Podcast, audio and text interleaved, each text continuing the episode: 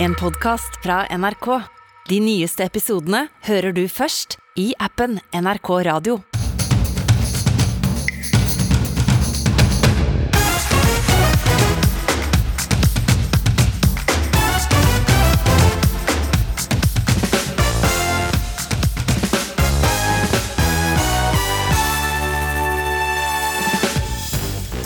Et lite nettsted blir beskyldt for å drive propaganda for Russland. Nå lager det trøbbel for partiet Rødt. Mannen bak det hele forstår ikke kritikken. Det er jo noen som påstår at de skal ekskludere meg. Da. Jeg kan ikke skjønne at eh, Rødt er tjent med noen sånn Moskva-prosess. Du møter Pål Steigan her i Ukeslutt. Påvirkerparet Martine og Alexander har hatt sin første uke som programledere for God kveld Norge. Kjærestene tar pause fra hverandre når de kommer hjem. Vi må nesten det, for vi går opp hverandre hele tiden. Og jeg vil jo ikke bli lei av han heller. Og sola har tent gnisten i våryre nordmenn. Nå er livet verdt å leve igjen. Det føles som en helt ny verden. Ja, nå, nå kribler det. Det kjenner jeg. To single kjendiser kommer på besøk hit. Velkommen til ukeslutt denne lørdagen. Jeg heter Vidar Sem og blir med deg de neste to timene. Denne uken så har det virkelig lyst rødt i partiet Rødt. Og problemene skyldes en nettside drevet av tidligere leder av AKP og RV Pål Steigan. Reporter Kari Li har snakket med Steigan, men først så søkte hun råd hos bandet Black Debbath. Det er problemer innad i Rødt. Bassist Egil Hegerberg står i øvingslokalet til Black Debate i Mølleparken i Oslo. Han sliter med å få partiet Rødt til å passe inn i satirebandets store hit fra 1999.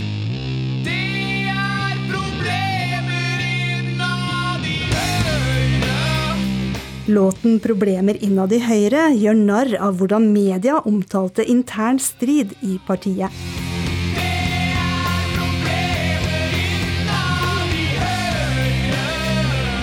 Er det kanskje på tide med en ny satiresang om Rødt. Denne uka har iallfall problemene innad i Rødt kommet til overflaten. Man behøver ikke være enig med sine veteraner, man, men man behandler dem eh, korrekt. Den, den, måten å trakassere medlemmene på, som jeg opplever nå, det hører ikke hjemme i et Arbeiderparti. Så de, skulle, de burde ha behandla deg eh, med respekt, eller tenker du? Som folk. Folkeskikk. Jeg, jeg, jeg, er opptatt med noe som heter folkeskikk. Mannen som etterlyser folkeskikk, er den snart 73 år gamle Pål Steigan. En av grunnleggerne av AKP og RV, som seinere blei Rødt. Det er ikke noe som kommer til seg sjøl. Nå er han redaktør for Steigan.no, som ledelsen i Rødt mener er for Russland-vennlig, koronakonspiratorisk og innvandringskritisk til at de som støtter nettsida kan ha verv i partiet. Steigan minner om at han fortsatt er betalende medlem i Rødt.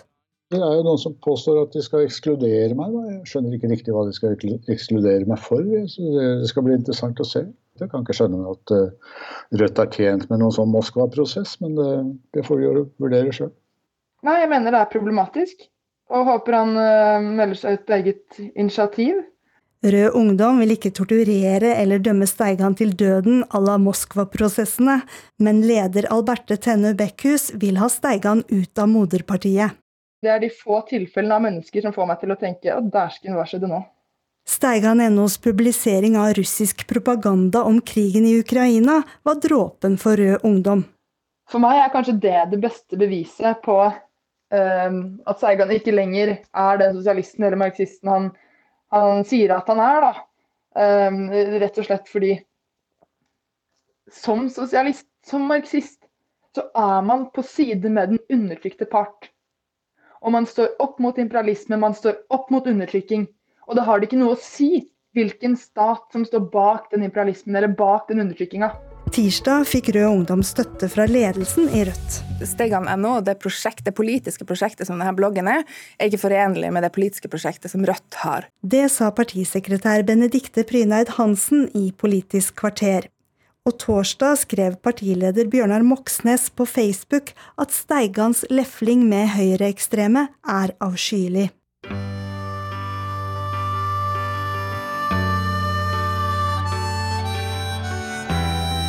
Vi har et tillitsforhold som, som kamerater, altså politiske kamerater, har gjennom mange år.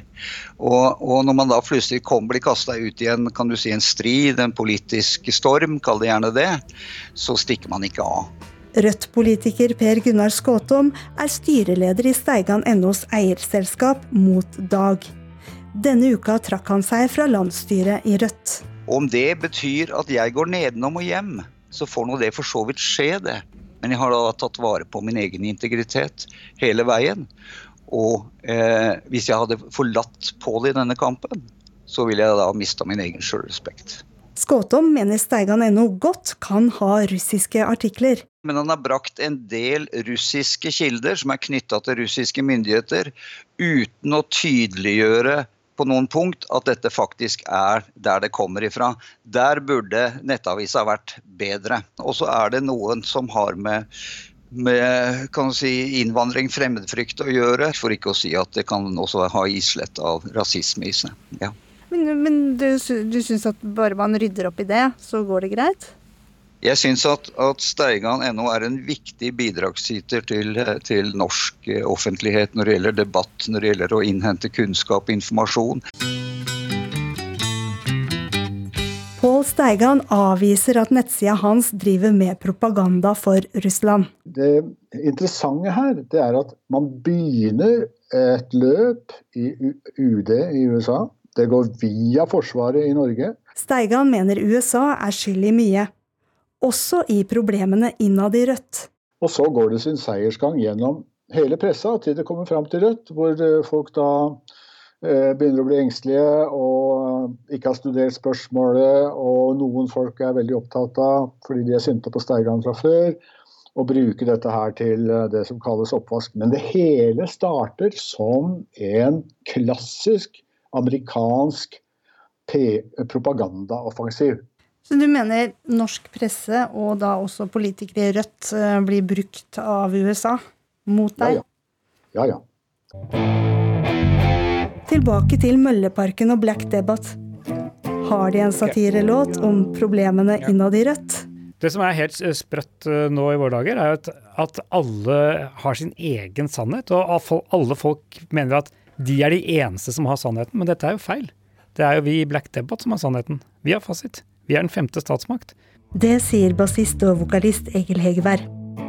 Vi vil gjerne vise vår støtte til Rødt med, en med en bitte liten smakebit av den splitter nye låta vår, 'Age of Kørka'. En, to, tre, fire. The age of Kørka. This is the dawning of the age. The age of Kørka. Can't you see? This is big stupidity! Ikke sant? Der hører du litt rockens kraft. Altså Det som er litt spesielt med rock, da, eh, kontra andre uttrykksformer, er at det, det går ikke an å ljuge i rocken. Ja, det sa Lars Lønning, vokalist i Black Debbath, til reporter eh, Kari Li. Det er lørdag i slutten av april. Sola har vist seg over store deler av Norge denne uken, og med sol og varme så kommer våryrheten for mange. Og i år eh, er det mulig å være yr uten pandemirestriksjoner. Eh, vi skal straks snakke med to single kjendiser her i studio, men først tar vi en tur ut med reporter Synnøve Svabe for å høre med folk om det er våryrhet å spore. Kjenner du deg våryr? Ja, selvfølgelig. Man kan jo ikke unngå det. Nå er livet verdt å leve igjen. det føles som en helt ny verden. Ja, nå, nå kribler det. Det kjenner jeg. Det gjør det? Dette, dette har jeg gledet meg til. Det er ikke pga. meg. Nei. jeg kan ha den effekten. Ja, det, det, det, er sant det, men ja. nei, dette, dette er herlig. Nydelig. Å, jeg blir gladere, da. ja, Sivilstand, er du gift? Ja, partnerskap. Ja, altså, Du flørter ikke du da så mye? Jo, jo, jeg flørter for det, vet du. Du gjør det, ja? Ja, ja. Ser en kjekk mann, så må man jo Gammal vane, vond å vende, si. Ja, ja, det er det også. Nei, nei, men det er jo bare krydder til livet, det. Ja, krydder til livet. Morna Haugen, blogger, blant annet kjent for bloggen Komikerfrue, og også vinner av realityserien Torpet kjendis. Velkommen til ukeslutt. Tusen takk. Eh, Du ble singel i fjor etter 18 år i et eh, forhold. Eh, Ja, er du klar for å krydre livet med flørting og sjekking denne våren? Jo, absolutt. Det er litt skummelt, da. Det må jeg bare ærlig innrømme. Fordi? Men nei, altså, det er jo et fryktelig uvant scenario, da. Å skal ut der og by på seg sjøl. Og i tillegg så har vi vært inne i pandemi ganske lenge. Så jeg tror egentlig at det har vært litt sånn skummelt enten en er singel eller ikke. Å bare gå ut og møte folk og plutselig skal by deg på. Du føler deg litt rusten? Ja, Ja. jeg tror det. Hvordan, hva skal bøte på det, da? Uh, rusten på singellivet? Har du noen uh, tanker om det? Hvordan du Nei, For meg så var det egentlig helt grusomt. Det, liksom, en av de første ordentlig store festene jeg hadde, det var på bursdagen min i mars. Men da merka jeg at alle venninnene mine Vi hadde jo selvfølgelig jenteparty, for at det er tryggest. og alle, enten gift eller ikke gift, eller altså, hvem som helst, eh, hadde samme oppfatninga, og det var at herregud, ut på byen, hva skal vi ha på oss, hvordan skal vi oppføre oss, og så hva slags musikk er det vi skal høre på. Alle var egentlig på samme nivå, så da følte jeg det var lite grann tryggere å kaste meg ut i det sosiale livet. Men litt savn av menn på den festen, eller? Nei, vi møtte jo folk ute, da. Å, det var ute på det, ja. ja, ja, Og da? Nei, da Nei, nå ble jeg Say no more.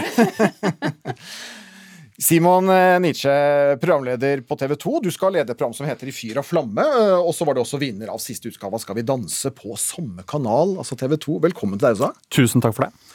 Eh, Du er, slik jeg skjønner, mer dreven som singel enn Marna. Er du glad i å flørte? Ja, det syns jeg er gøy. Og jeg har jo vært, jeg har vært singel lenger enn Marna. det har jeg, så det, Men jeg merker også at jeg altså, nå er jeg litt rusten. Du er også rusten? Ja, etter pandemien. Og jeg var, jeg var Hvordan merker du det? Jeg var i Sri Lanka for ikke så lenge siden på ferie der, og der observerte jeg en eh, fyr fra Australia som også var og reiste da. og han dette skjer rett foran øynene mine. Han bare marsjerer bort til en gruppe jenter som sto der. Og da sitter jeg litt passiv i, i baren, og så sier han bare til de Hey girls, you seem like fun people. Wanna get to know each other? Og da, og da tenkte jeg bare sånn Prøv å gjøre det i Frognerparken, og se hvor langt du kommer. Er så offensiv eh, kjenner jeg at jeg ikke er. Men det tror jeg etter to år nå med, liksom, med pandemi at eh, det, det er noe vi må virkelig gjøre. Vi må tørre litt mer da, når vi ser noen søte, enten det er gutter eller jenter. eh, Enten det er på butikken eller på en bensinstasjon eller ved bagasjebåndet på, på Gardermoen. Tør å gå bort. Men det problemet har vel også vært før pandemien, eller altså litt Litt sånn menn som er litt, hva skal vi si, reserverte. før kanskje alkohol defensive. før- det blir for mye alkohol innabords. Ja, jeg tenker også at eh, en, eh, en trenger ikke alltid å tenke på flørting som flørting. Altså, det er jo en sånn ting eh, jeg erfarte. Da, at Man må kanskje først tenke at en skal ut og bare snakke med folk. Og når det blir gutter eller jenter, altså bare, bare være sosial i det hele tatt. Det er jo en kjempefin kneik å bare komme over det, og liksom kjenne på glede over det å være ute. Og, sånn, så nå er sola her, og på en måte at vi må liksom finne litt den spiriten. da. Og da kan jo hende at er denne selve flørtinga Og så plutselig så sitter du og flørter med noen uten at du skjønte at det var det som skjedde. Kanskje man bare skal si det. Nå er sola her. Og så er man det i gang. Ja, For det er jo vi nordmenn gode på allerede. Ja. Og, liksom påpeke, og det er jo veldig bra når sola først kommer. Helt i starten da kan man bruke det som en sånn helt legitim grunn til å starte en samtale. Mange single har jo eh, bare seg selv å ta, ta hensyn til. Men det gjelder jo ikke deg, Marna Haugen, for du har noe du kaller Marna-uke. Marna Week, hva er det for noe? Ja, altså nå er jeg em, 50% mamma. Marna uten barna. Marna uten barna. Ja, og så jeg har jo kontakt med ungene mine gjennom hele den uka også. da. Det, det skal jo ringes hjem og sjekke at lekser er gjort og alt det der. Men eh, da er jeg på uh, hybelen min i Oslo, og da går jeg til frisøren, jeg ordner neglene mine, og så går jeg ut med venninnene mine, og så har vi det veldig morsomt. Og da finner jeg på masse gode ting for meg sjøl. Ja. Er det Marna-uke denne uken, eller? Den begynner på tirsdag. Den begynner på tirsdag. Det betyr at det er ikke ut, ut på byen i kveld og slå ut håret? Eh, nei, ikke i kveld. Neste helg. Ja, Jeg skal sjekke værmeldinga, tenker jeg. Da er vi motsatt turnus, for jeg tenkte meg en tur ut i kveld. Men, eh, men du kjører da fra ti Ja, ikke sant? For det, det, det, det er annenhver uke. Det Du er har part- partallsuke her. Pa- Ok, skjønner. Du er, ja, ikke sant? Du er jo rett og slett eh, Skal vi se. Du er i Fyr og flamme eh, som ditt program for, eh, for i kveld og for, for våren, egentlig, 2022. Ja, altså Jeg er jo fortsatt singel og har jo et ønske om å treffe noen, så da må jo jeg ut, og, ut på dette markedet. Du, eh, du Simon, ja. du, du refererte til eh, han australieren eh, i sted her, Ja. og, og, og hvordan vi nordmenn er. Eh, Men så er det slik at du skal lede et program på TV, der kjendiser skal påstå, Ja. sant eller usant, at de har gjennomgått vågale utfordringer. Eh, Altså, Jeg tenkte jeg skulle gi deg en, en liten utfordring som du, du kan ta med deg. Eh, Oi, spennende. du var litt i gang her, men vet du hva? Det der å by på litt flørting direkt på direkten her Mm. i Ukeslutt, eh, hva med det? Hva med å sette en liten scene? Har du en eh, god sjekkereplikk som du kan eh, komme med her? Vet du hva? Det er en god utfordring å få. Nå merker jeg at jeg bare prater for å kjøpe meg tid. Eh, men jeg tror, at, eh, jeg tror veldig på sånn eh, Hvis, hvis eksempel jeg skulle spilt en, ut en rolle med Marna nå, da, og så, så ville jeg jo gått for ærlighet og ikke en sånn cheesy one-liner. Jeg tror det funker. Så jeg ville sagt Du, hei! Dette er litt rart, men eh, jeg synes du er veldig søt. Kunne, er det mulig å kanskje få lagt deg til på noen sosiale medier eller et eller annet sånt noe? Er det mulig? Eller er det, eller er det, er det mulig, eller er det ikke mulig? Det er bare egentlig det jeg lurer på. da. Sånn tror jeg jeg ville gjort det. Og da, hva, hvis vi skal spille ut scenen videre, hva svarer du da? Ja, herregud. Nå er dette, og det må vi bare si til lytterne. Dette, her, dette, er bare en, dette er bare en scene. ikke er sant? en scene. Ja. Ja, Hva svarer Marna? Da har jeg sagt at uh, Nei, jeg veit ikke. Du vet ikke. Altså, vet du, helt greit. Da ses vi på Rema 1000 her eh, i morgen igjen, og så prøver vi igjen, da.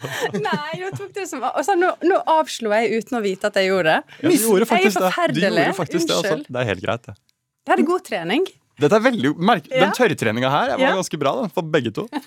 God trening på det som eh, forhåpentligvis skal skje videre fremover eh, altså her i ukeslutt. Eh, Altså, takk for at dere kom, da. Få si lykke til med flørting og, og eventuell dating fremover, Simon Nitsche og Marna Haugen. Under halvparten av alle foreldre leser ikke for eh, barna sine. Eh, eller leser for barna sine. Altså det vil si at den andre halvparten gjør det ikke. Det er en undersøkelse vi kunne høre om eh, denne uken. For hva foretrekker barna egentlig? Boka eller eh, nettbrettet?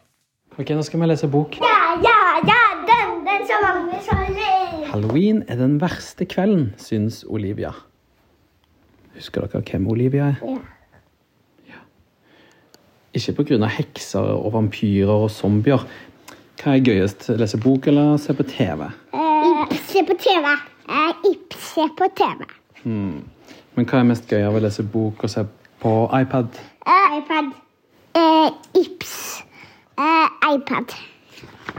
Hmm. Men hva er Men, men, men hva Men hva er men, men hva er gøyest av å telle firfisler eh, enn å lese bok? Tvert imot lese bok. Men kan, men, men, men, kan le, men kan du lese, da? Ja, Det var kollega Eivind Våge som leste for sine døtre Iben og Agnes. I dag er det påskeaften i den russisk-ortodokse kirke. En påskeaften preget av krigen i Ukraina. Vi skal til Vår Frelsers ortodokse kirke i Oslo, og reporter Iris Andradottir, du er på plass utenfor kirken, og hva skjer der nå? Ja, det stemmer. Her har det vært eh, gudstjeneste og bønn tidligere i dag. Og bare for noen få minutter siden så kom også sognepresten utenfor kirka for å velsigne maten som alle kirkegjengene hadde tatt med seg. Det er jo tross alt eh, dagen for å bryte fasten i morgen. eh, Og da tar hver og en familie med seg en kjempefint dekorert kurv full av hjemmelagde kaker og fargerike egg. Og de pleier ofte å være røde, men kan være i flere forskjellige farger.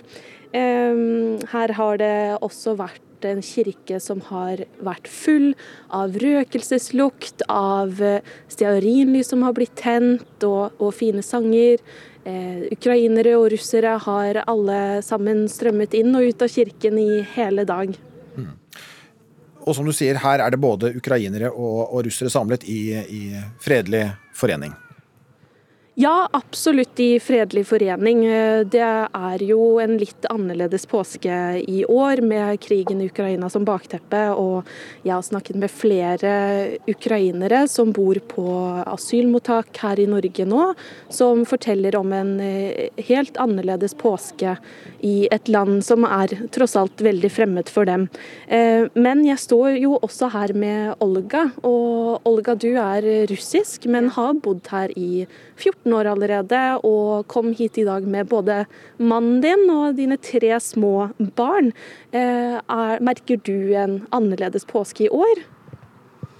Ja, selvfølgelig, fordi man er full av følelser, og forskjellige følelser. Og ja, nå er det store hendelser, og så du vet ikke hvordan det blir.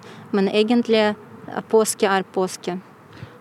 Og hvordan er det for deg å samles her med russere og ukrainere? Det er veldig viktig for meg, fordi uh, vi har noe felles, og har, du føler at vi har det. Vi har felles uh, religion, og her var det ikke noe krig.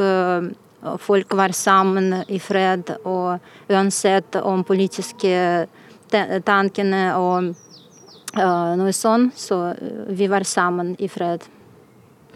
Og gjør dere noe spesielt videre i påsken, du og familien din? Ja, påske er egentlig i, morgen, og det feires mest uh, i natt. I natt fra lørdag til søndag. Så det blir en stor uh, gudstjeneste i kirka. Og det blir en stor fest etterpå. Og vi, siden jeg har tre barn, det er vanskelig for meg å være i kirke om natta. Så vi skal feire i morgen. Vi skal ja, spise egg og spise påskekake og spise noe godt. Da håper jeg at det blir en kjempefin påske for deg og resten av familien din, Olga. Takk for at du var med oss her i dag. Og litt senere i ukeslutt så skal vi høre mer fra deg, Iris Andradottir, og den ortodokse påskefeiringen i Oslo. Torsdag denne uken var det 50 år siden forbudet mot homofili ble avskaffet her i landet. Vi har vært ute og snakket med både eldre og yngre om hva det betyr å ha rett til å elske den man vil. På Grünerløkka seniorsenter i Oslo ble 50-årsdagen markert i stor stil. Det var tid for både refleksjon og feiring.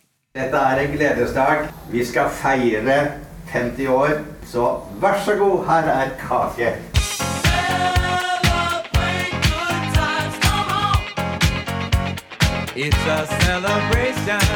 Det er frihetens 50 års feiring på Grünerløkka seniorsenter.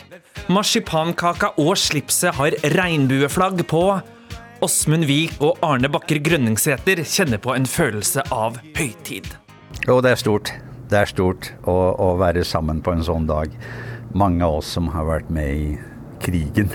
Jo, altså jeg syns at uh, dette var stedet å gå for å feire 50 år. Ja, Her er det jo masse folk som har vært med veldig lenge, og som kjenner den historien, som har vært en del av den. Det finnes jo i dag yrker hvor det er utelukket å bli ansatt dersom man gjør det kjent at man er homofil. Sa en anonym homofil på radioen i 1971. Biskop Alex Johnson tok enda sterkere ord i sin munn noen år tidligere.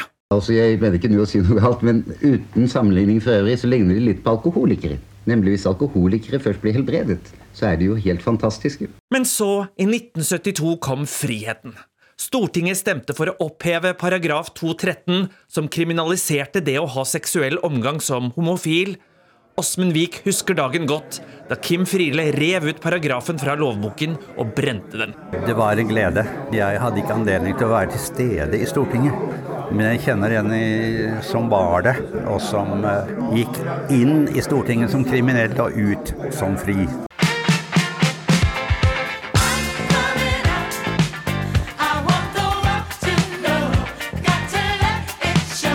Hva tenker så den fremadstormende millenniumsgenerasjonen om at det var forbudt å elske den man vil, før de 50 år med frihet? Helt for jævlig. Det syns jeg. Kan ikke fatte at det ikke var lov i det hele tatt. Det føles litt feil at staten skal blande seg så inn i noens privatliv som det man gjorde på den siden. At liksom, det skal være forbudt å elske en person. Det, for meg nå føles det veldig veldig rart og fjernt, egentlig. Statsminister Jonas Gahr Støre beklaget denne uken at norske myndigheter straffeforfulgte homofile for deres seksualitet og kjærlighetsliv, og at de påførte skyld og skam. Og Derfor så vil jeg i dag, på vegne av den norske regjeringen, si unnskyld. Dette er alvorlige brudd på våre viktigste verdier, likeverd, rettferdighet og frihet. Og unnskyldningen faller i god jord hos de yngre. Det at han beklagde seg for det, det syns jeg er uh, veldig fint for uh, folk som da er homofile. Jeg tror nok de setter veldig stor pris på det. Det gjør jeg. Tilbake på seniorsenteret beviser man at elskende hjerter ei går ut på dato. Og Åsmund Wiik og Annbjørg Onstad håper at den yngre generasjonen skal slippe den samme kampen for å få være den man er, elske den man ønsker. Håpet er at de må få et godt liv. Ganske enkelt. Det er jo stadig nye kamper i og for seg, men vi er på god vei. Du har troa på framtida? Jeg har tro på framtida.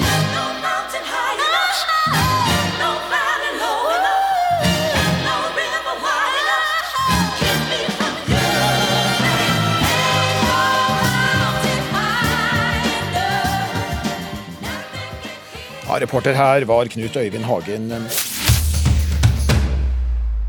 Har du litt eh, dårlig samvittighet fordi du ikke får lest for eh, barna dine? Vel, du er eh, ikke alene. Leserundersøkelsen som vi hadde denne uken her, viser at under halvparten av barneforeldre leser for sine barn. Og Kristina Haugen Lyngdal, du driver barnebokbloggen og har to barn selv. Ja, overrasker det deg at ikke flere leser for sine barn? Eh, Jeg tenkte på det da jeg fikk hørte tallene første gang, og først reagerte jeg med å være overraska, men så har jeg tenkt på det Det er jo egentlig ikke det, når du ser det i sammenheng i den tiden vi lever i nå, hvor hektisk alt er, påvirkende Bare ser selv hvordan vi tar opp telefonen ved første mulighet. Vi har til lite grann um, å få en pause, da, fra Den tar vi elektronisk. Så overrasket, nei, men jeg syns det er veldig trist. Live Nelvik, programleder her i NRK, som gikk grundig inn i bl.a. tidsklemma i serien Lives eh, oppdragelsesreise. Ja. Har ikke foreldre nok å ha dårlig samvittighet for? Eh, Eller bør de? Jo, men det er derfor jeg vil ikke være så shamete. Vi er jo den første generasjonen foreldre som vokser opp med å være Ikke vokser opp, vi er jo allerede vokst opp, men eh, lever med å være påkobla hele tiden.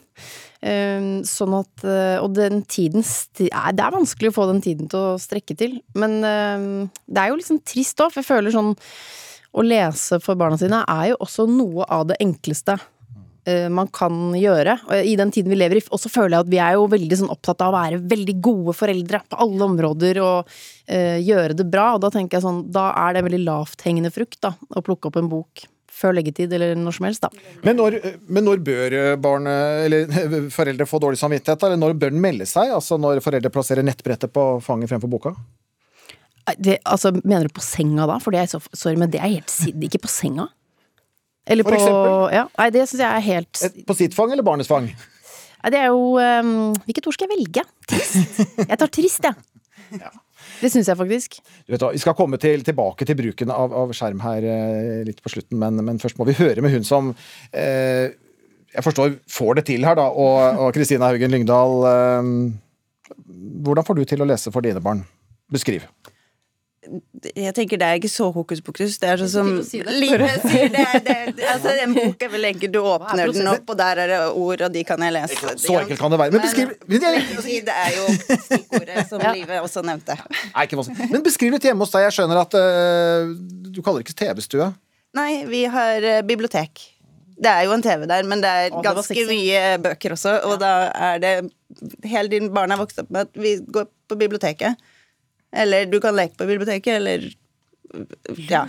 Så vi er der, og da er det bøker overalt. Så selv om TV-en eventuelt står på, så plutselig så tar de opp en bok, de blar litt i den, og så kommer de og spør om å få lese, og så skrur vi av TV-en, og så leser vi. For du har, fått, du har barn som eh, er ivrige til å lese. Ja. Du har rett og slett fått det til. det er Det går jo opp og ned, men eh, la oss si ja. Jeg snakker litt av erfaring selv også. Altså, det er lettere sagt enn gjort. Og det er veldig forskjell på barn også. Altså, selv noen som har fått det til med ett barn, kan ikke få det til med et annet barn. Jeg må bare si, Lettere sagt enn gjort. Der er jeg litt uenig med deg, programleder. eh, uten at dette skal bli en debatt. Men det er jo bare fordi eh, hvis barn, for eksempel, i hvert fall hjemme hos meg, hvis eh, setningen 'jeg kjeder meg litt' kommer, og jeg ikke gjør noe med det, så ender de ofte opp i bokhylla ved å dra ut Og det er mange bøker som jeg siden må ryddes opp, men da drar de gjerne ut bøkene og sitter og blar og blar. Og sånn ny bok, blar og blar. Men hvis man erstatter den 'jeg kjeder meg' med 'du kan jo se på noe', ja, da går det ikke av seg selv. Jeg tar imot tipsa. Ja. Hvor mye lesing er, er bra nok? Må vi lese i timevis? der igjen går den der moraliserende. Jeg er veldig enig der også med at det syns jeg ikke noe om. Sånn at det her er det Vi skal være fornøyd altså, Litt bedre enn ingenting. Sånn at det hele tiden får du til Vær fornøyd med det. Ikke sett deg sånne hårete mål, for da blir du så lei deg når du ikke får det til, og så kanskje det forsvinner litt i sanden. Vær fornøyd når du har fått til litt. Om det er fem minutter på legge, før legging, eller om du plutselig fikk lest en hel bok, kanskje det var noe du selv syntes var gøy, så blir du litt ivrig. Prøve sånn Jo, vi må lese et kapittel til. Og barn også, hvis du først får de i gang til å lese, så ber jo de om et kapittel til hele tiden også. Må du se hvilke dager har du tid, hva passer. Det er jo Både barn og voksne har gode dager, dårlige dager. Mm. Mitt triks er jo å finne bøker som jeg også liker. Det må jeg bare si at jeg, det verste jeg vet, er jo å ligge og lese en kjedelig barnebok, og dem er det egentlig nok av. Så jeg er ganske sånn Jeg, jeg kan finne på å pælme bøker, ikke pælme, men gi det videre til eh, andre. Bøker som jeg ikke syns er noe gøy. Sånn at Karsten og Peter, for eksempel, det gir ikke meg så mye. Men så har vi andre bøker som er gøy for begge å lese. Det kan jo også være en nøkkel til at det blir litt hyggeligere å lese, da. Jeg, du, jeg er veldig enig, skal ikke være så veldig meneste, men dette her kjenner jeg meg igjen i livet. Ja, men Eh, men bør vi, bør vi tenke sånn? Jeg, jeg dro frem Oliver Twist, jeg, som jeg husker fra min barndom. Og, og, for det var, det var spennende å lese. Jeg har en, et barn selv på Ja. åtte. Det, ja. Eller Eh, hva- men ja. det kan jo fort bli litt traurig å lese. Både vanskelig språk å lese høyt, og litt sånn langtekkelig for barna å henge med i. Fulgte spent med. Han gjorde det, så bra. Da har du eh, sådd det bra. Ja, toåring. vet du hva. Men er du Men, men eh, Åtteåring. Ja. Eh, Men, men, men, men eh, hva dine tips, da? Eh, Live snakker om bøker vi selv liker som voksne. Er det viktig? Ja, det er det. Og det er jo selvfølgelig Jo mindre barna er, jo eh, Kanskje kjedeligere er det, men det er også en mye kortere bok, sånn at det, går jo fort å lese. Og det er en koselig stund uansett, med sånn bitte lite varmt nurk på fanget. Eh, men etter hvert som de blir litt større, så absolutt finn noe som fenger begge. Eller alle, avhengig av hvor mange som skal høre på. det er virkelig Ja, det er så mye gøy. gøye barnebøker. Jeg syns pekebøker, folk- det er det kjedeligste. Det har jeg gjort av plikt. Sitte og peke på sånn ball og blomst og sånn.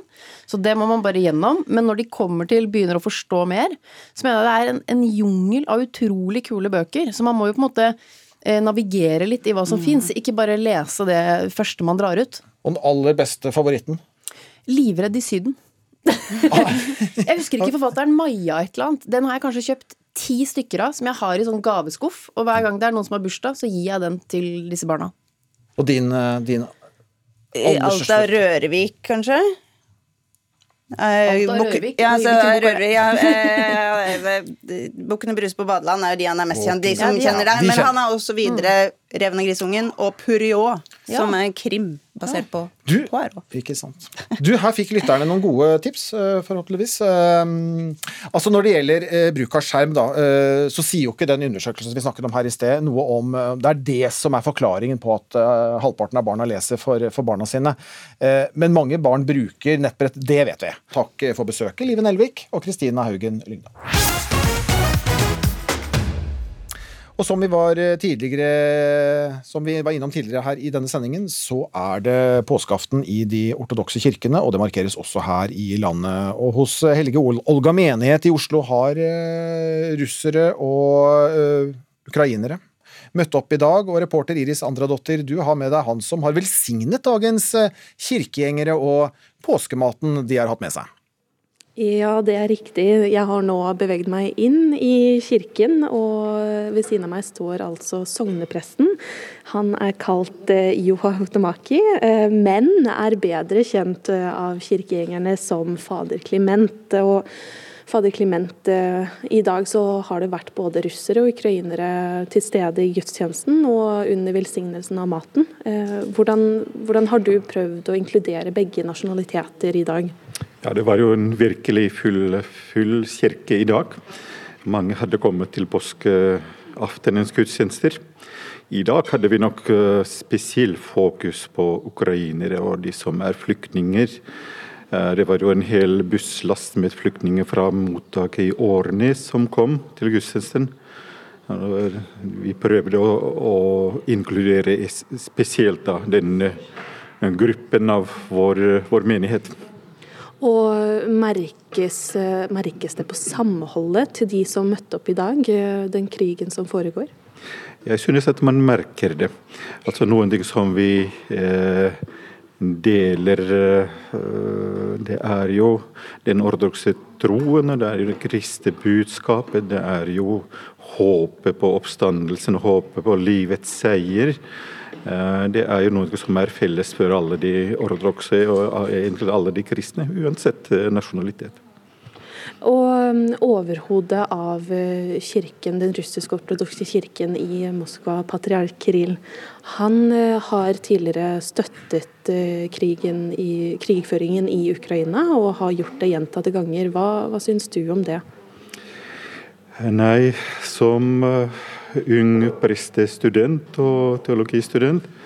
Det var flere av oss som eh, så veldig opp på patriark Kirill og så på ham som en, en liberal, dynamisk mann som kan være forbilde for, for mange i prestetjenesten. Uh, nå er vi nok litt forundret, kan ikke helt skjønne hva som har skjedd. Hvilken slags stemningsskifte som, som man ser i hans lære og hans uttalelser. Nei, vi kan rett og slett ikke dele det som gjelder eh, Ukraina, og som gjelder forklaringen på, på krigshandlingene. Og Vil du si at det, eh, dette synet påvirker kirkegjengerne her hjemme også? Eh, kirkegjengene her Det kan være at kirkegjengene har litt forskjellige meninger. Det kan være at noen er litt påvirket av russiske mediebilder. At de har en bildetepper i bakhodet når de tenker og når de tar en vurdering. Men det er jo også veldig mange eh, som henter informasjon fra forskjellige kilder, fra forskjellige medier. Så jo, man ser at det kan være litt forskjellige tanker og meninger. Men man uh, kommer ikke til noen uenighet og konflikt sånn mellom seg, i hvert fall. Det er veldig gledelig. Og med dette som bakteppe så kommer påskemarkeringen til å fortsette her i dag, eh, og med midnattsgudstjeneste i dag. Takk for at du var med oss i dag, fader Clement. Og takk skal du ha, reporter Iris Andradotter, med oss fra Hellige Olga menighet i Oslo. Og Igor Orlov, du er ukrainer bosatt i Norge, og vanligvis er påskehøytiden en tid eh, hvor dere samles i familien. Eh, velkommen hit. Tusen takk. Eh, hvor viktig er påskefeiringen for dere? Uh, her, vi har feiret det alle år. Uh, min familie var kanskje ikke så uh, god på å følge alle tradisjoner og var ikke like religiøs som det som er familier i Vest-Ukraina. Men likevel, foreldrene, foreldrene, dro til kirken kanskje annethvert år for uh, velsignelse av uh, mat, uh, vaskemat, og uh, ja, så var det noen andre tradisjoner som de har vært fastende noen dager og av og til uker. Så. Hva er den beste tradisjonen for deg? For meg det mest gøy var å Jeg vet ikke om, hørte, om, dere hørte om det før, men vi maler egg i forskjellige farger. Og så skal vi Eller de kokes først, og så blir de malt. Og så skal vi slåss og se hvilken egg som vinner. For meg da jeg var liten, det var det mest, mest gøy. Uh, og jeg husker nesten alle år når jeg har vunnet, eller når min lillebror har vunnet. Og... Var du en vinner der? Vel, mm? Var du en vinner på egg... egg... ja, er, poenget er at hvilket egg som blir ødelagt, ja. den, den er Var det du som pleide å vinne? Eh, ja, som det. Ja. Du, uh, Ukeslutts lyttere uh, kjenner deg kanskje igjen, for uh, du var med oss her for en uh, tid tilbake. Og forrige gang så bodde foreldrene dine fortsatt i Kiev. nå har de dratt ut av landet. men du har fortsatt familie i Ukraina. Hvordan blir påsken for dine nære og kjære i år? Uh, Svigerforeldrene de er her i Oslo sammen med oss, og de lager uh, påskekake akkurat nå. Vi skal på hytta etterpå. Vi vurderte sterkt om vi skal besøke uh, hele Olgas menighet. I utgangspunktet har vi tenkt at vi ikke gjør det, fordi vi bare ikke har god nok stemning til å, til å gjøre det. Men kanskje vi drar dit uansett på morgenen. Så vi skal bare feire på hytta, oss, oss fem. Også mine foreldre er i Krakow med min lillebror. Og så det er veldig mange ukrainere i Polen, så de mest sannsynlig drar til kirken på morgenen. Skjedde. Du, takk for at du ble med i Ukeslutt, Igor Orlov, og god ortodoks påske til deg. Tusen takk for det.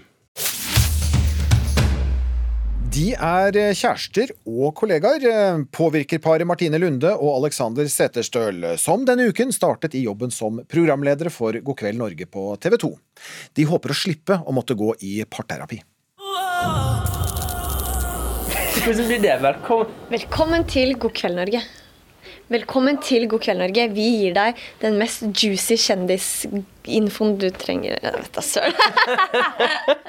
I en grønn sofa med planter bak øver to ferske programledere på å ønske velkommen i studio. Jeg syns det hørtes bra ut. Kjæresteparet Martine Lunde og Alexander Seterstøl har tidligere deltatt i flere reality-konsepter sammen. Ja, vi har jo gjort eh, Paradise Hotel. Vi har gjort eh, Skal vi danse. Vi har gjort Sofa. Bloggerne. Vi er mye oppå hverandre. Men eh, jeg liker å være oppå, holdt jeg på å si.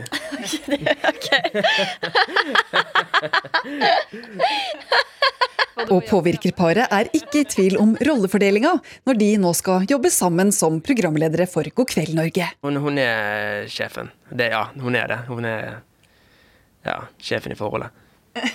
Jeg er enig nå, da. Både på privaten og på jobb. Ja. jeg føler noen må ta sjefsrollen, og det gidder ikke han, så da havna den naturlig i mine hender. Og når de går hjem for dagen, tar de seg rett og slett en pause fra hverandre. Vi må nesten det, for at vi går opp hverandre hele tiden, og jeg vil jo ikke bli lei han heller. Og jeg har jo hørt tilfeller før der hvor eh, folk jobber med kjæresten sin, der hvor det skjærer seg litt, så vi må prøve å få litt egentid når vi kommer hjem.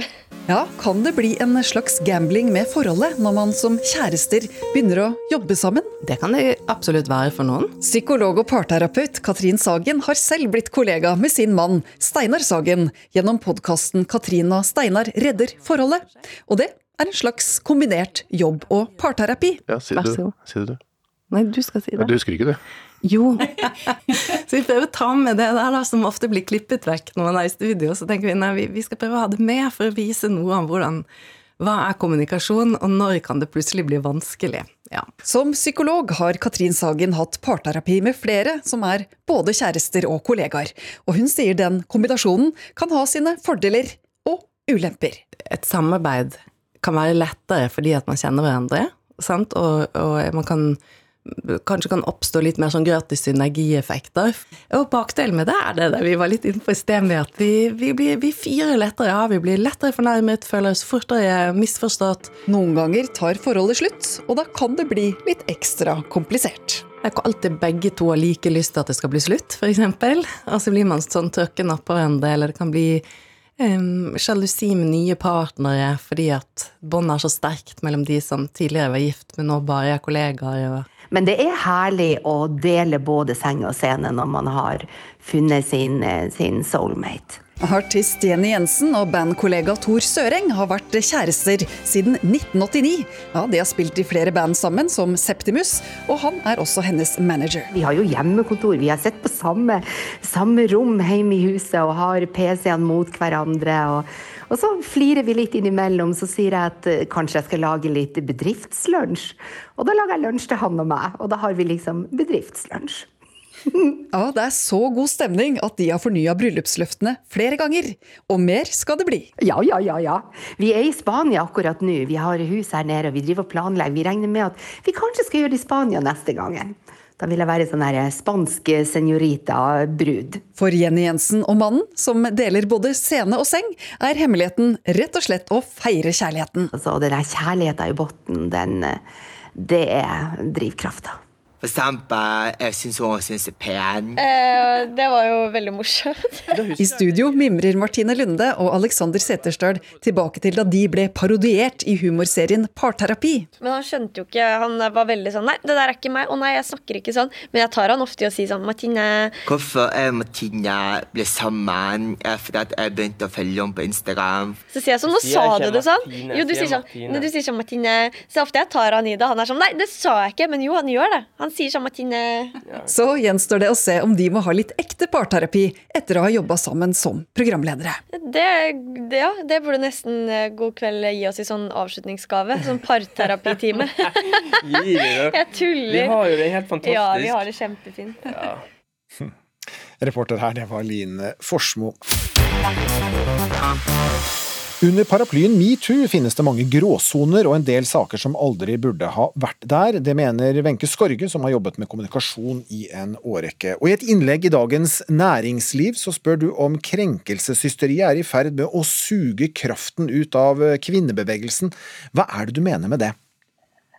Eh, Det jeg mener er at av og til så savner jeg litt av den fighting spiriten som jeg eh, husker fra den eh, første kvinnebevegelsen som var med og satte i, gang de forandringene som alle nyter godt av i dag. Og jeg tenker at det, er viktig for kvinner at de står opp for seg selv, at de kjenner seg myndiggjort, empowered, som er det moderne eh, motordet. Men jeg tenker, hvis det er historier som krever varsling, så skal, er det selvfølgelig bedre det kommer sent enn aldri for begge parter sin del. Men kanskje det mitt anliggende i hovedsak er, er, kvinnene, er kvinnenes situasjon. Jeg tror de får et bedre liv om eh, man har strategier for å håndtere, avverge situasjoner der og da. Og hvis det går over en strek, at oppgjøret, varslingen, kommer med en gang. Fordi at da kan man gjøre seg ferdig med ting, og da tar man grep og man styrer selv på en annen måte. Og man unngår at eh, sitt liv blir formørket i årevis av en uh, dum hendelse og at uh, en uh, ja, skal jeg si, frekk mann, en mann med dårlig dømmekraft, får lov å ødelegge ens liv i, i lange tider. Sånn bør det ikke være. Anna Sabina Sorgio, du er sosionom og samfunnsdebattant, og har også vært aktiv i AUF og Arbeiderpartiet tidligere. Ja, Må kvinner ta mer ansvar for seg selv og, og slutte å innta en offerrolle?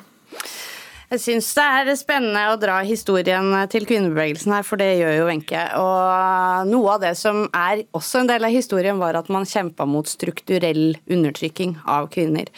Og det kjempa man om kollektivt, i lag. Eh, og det jeg syns innlegget til Wenche bærer litt preg av, er jo en individualisering der kvinner blir Eh, på individnivå eh, satt til ansvar for å klare å stoppe det vi vet at det er strukturelle eh, undertrykkingsmekanismer.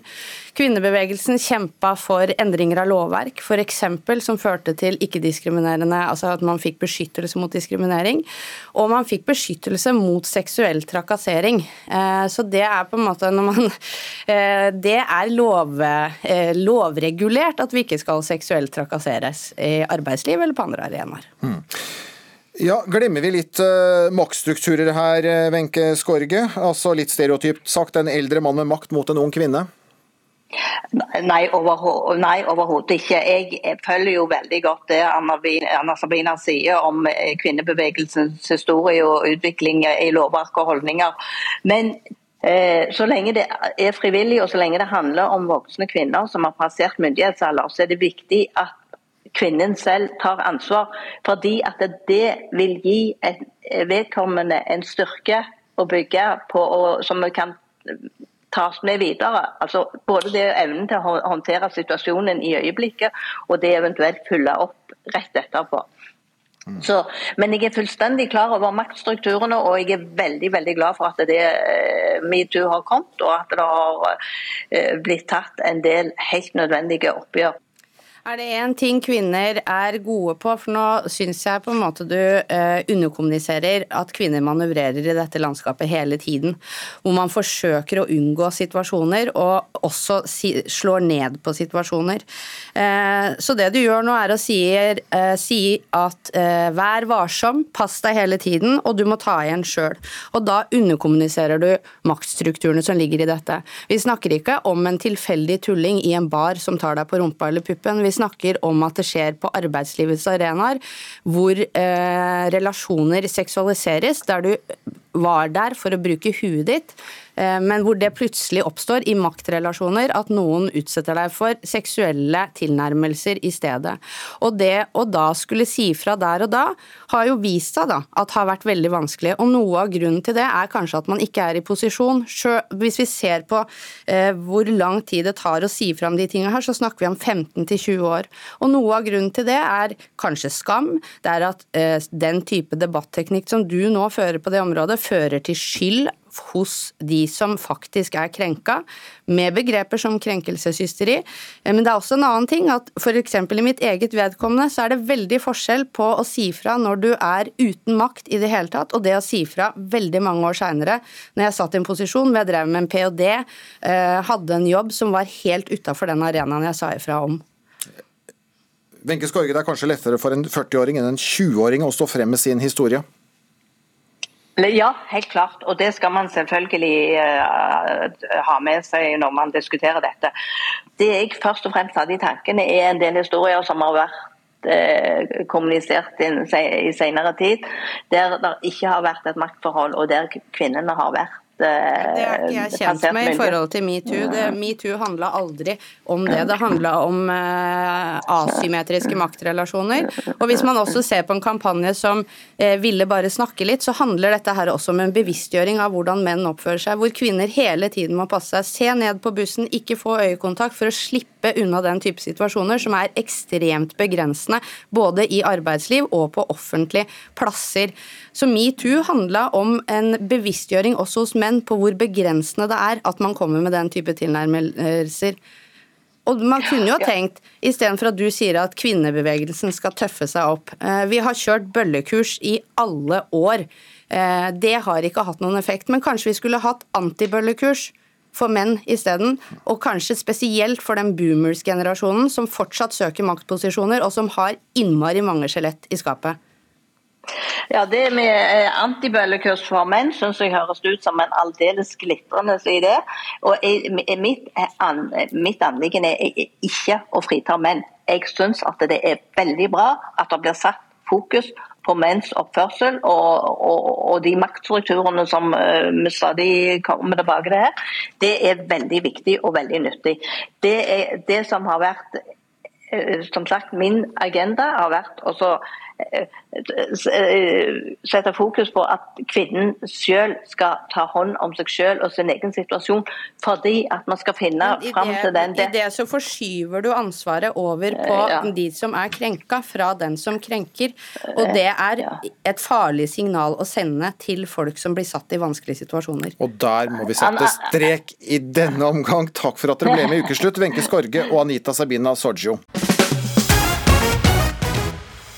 Madonna som fikk avslutte denne lørdagens ukeslutt. Ansvarlig for sendingen Magnus Bratten. Teknisk ansvarlig Helje Svensson. Jeg heter Vidar Sem. Etter oss kommer Pils. Ha en fortsatt riktig god helg. Du har hørt en podkast fra NRK. De nyeste episodene hører du først i appen NRK Radio.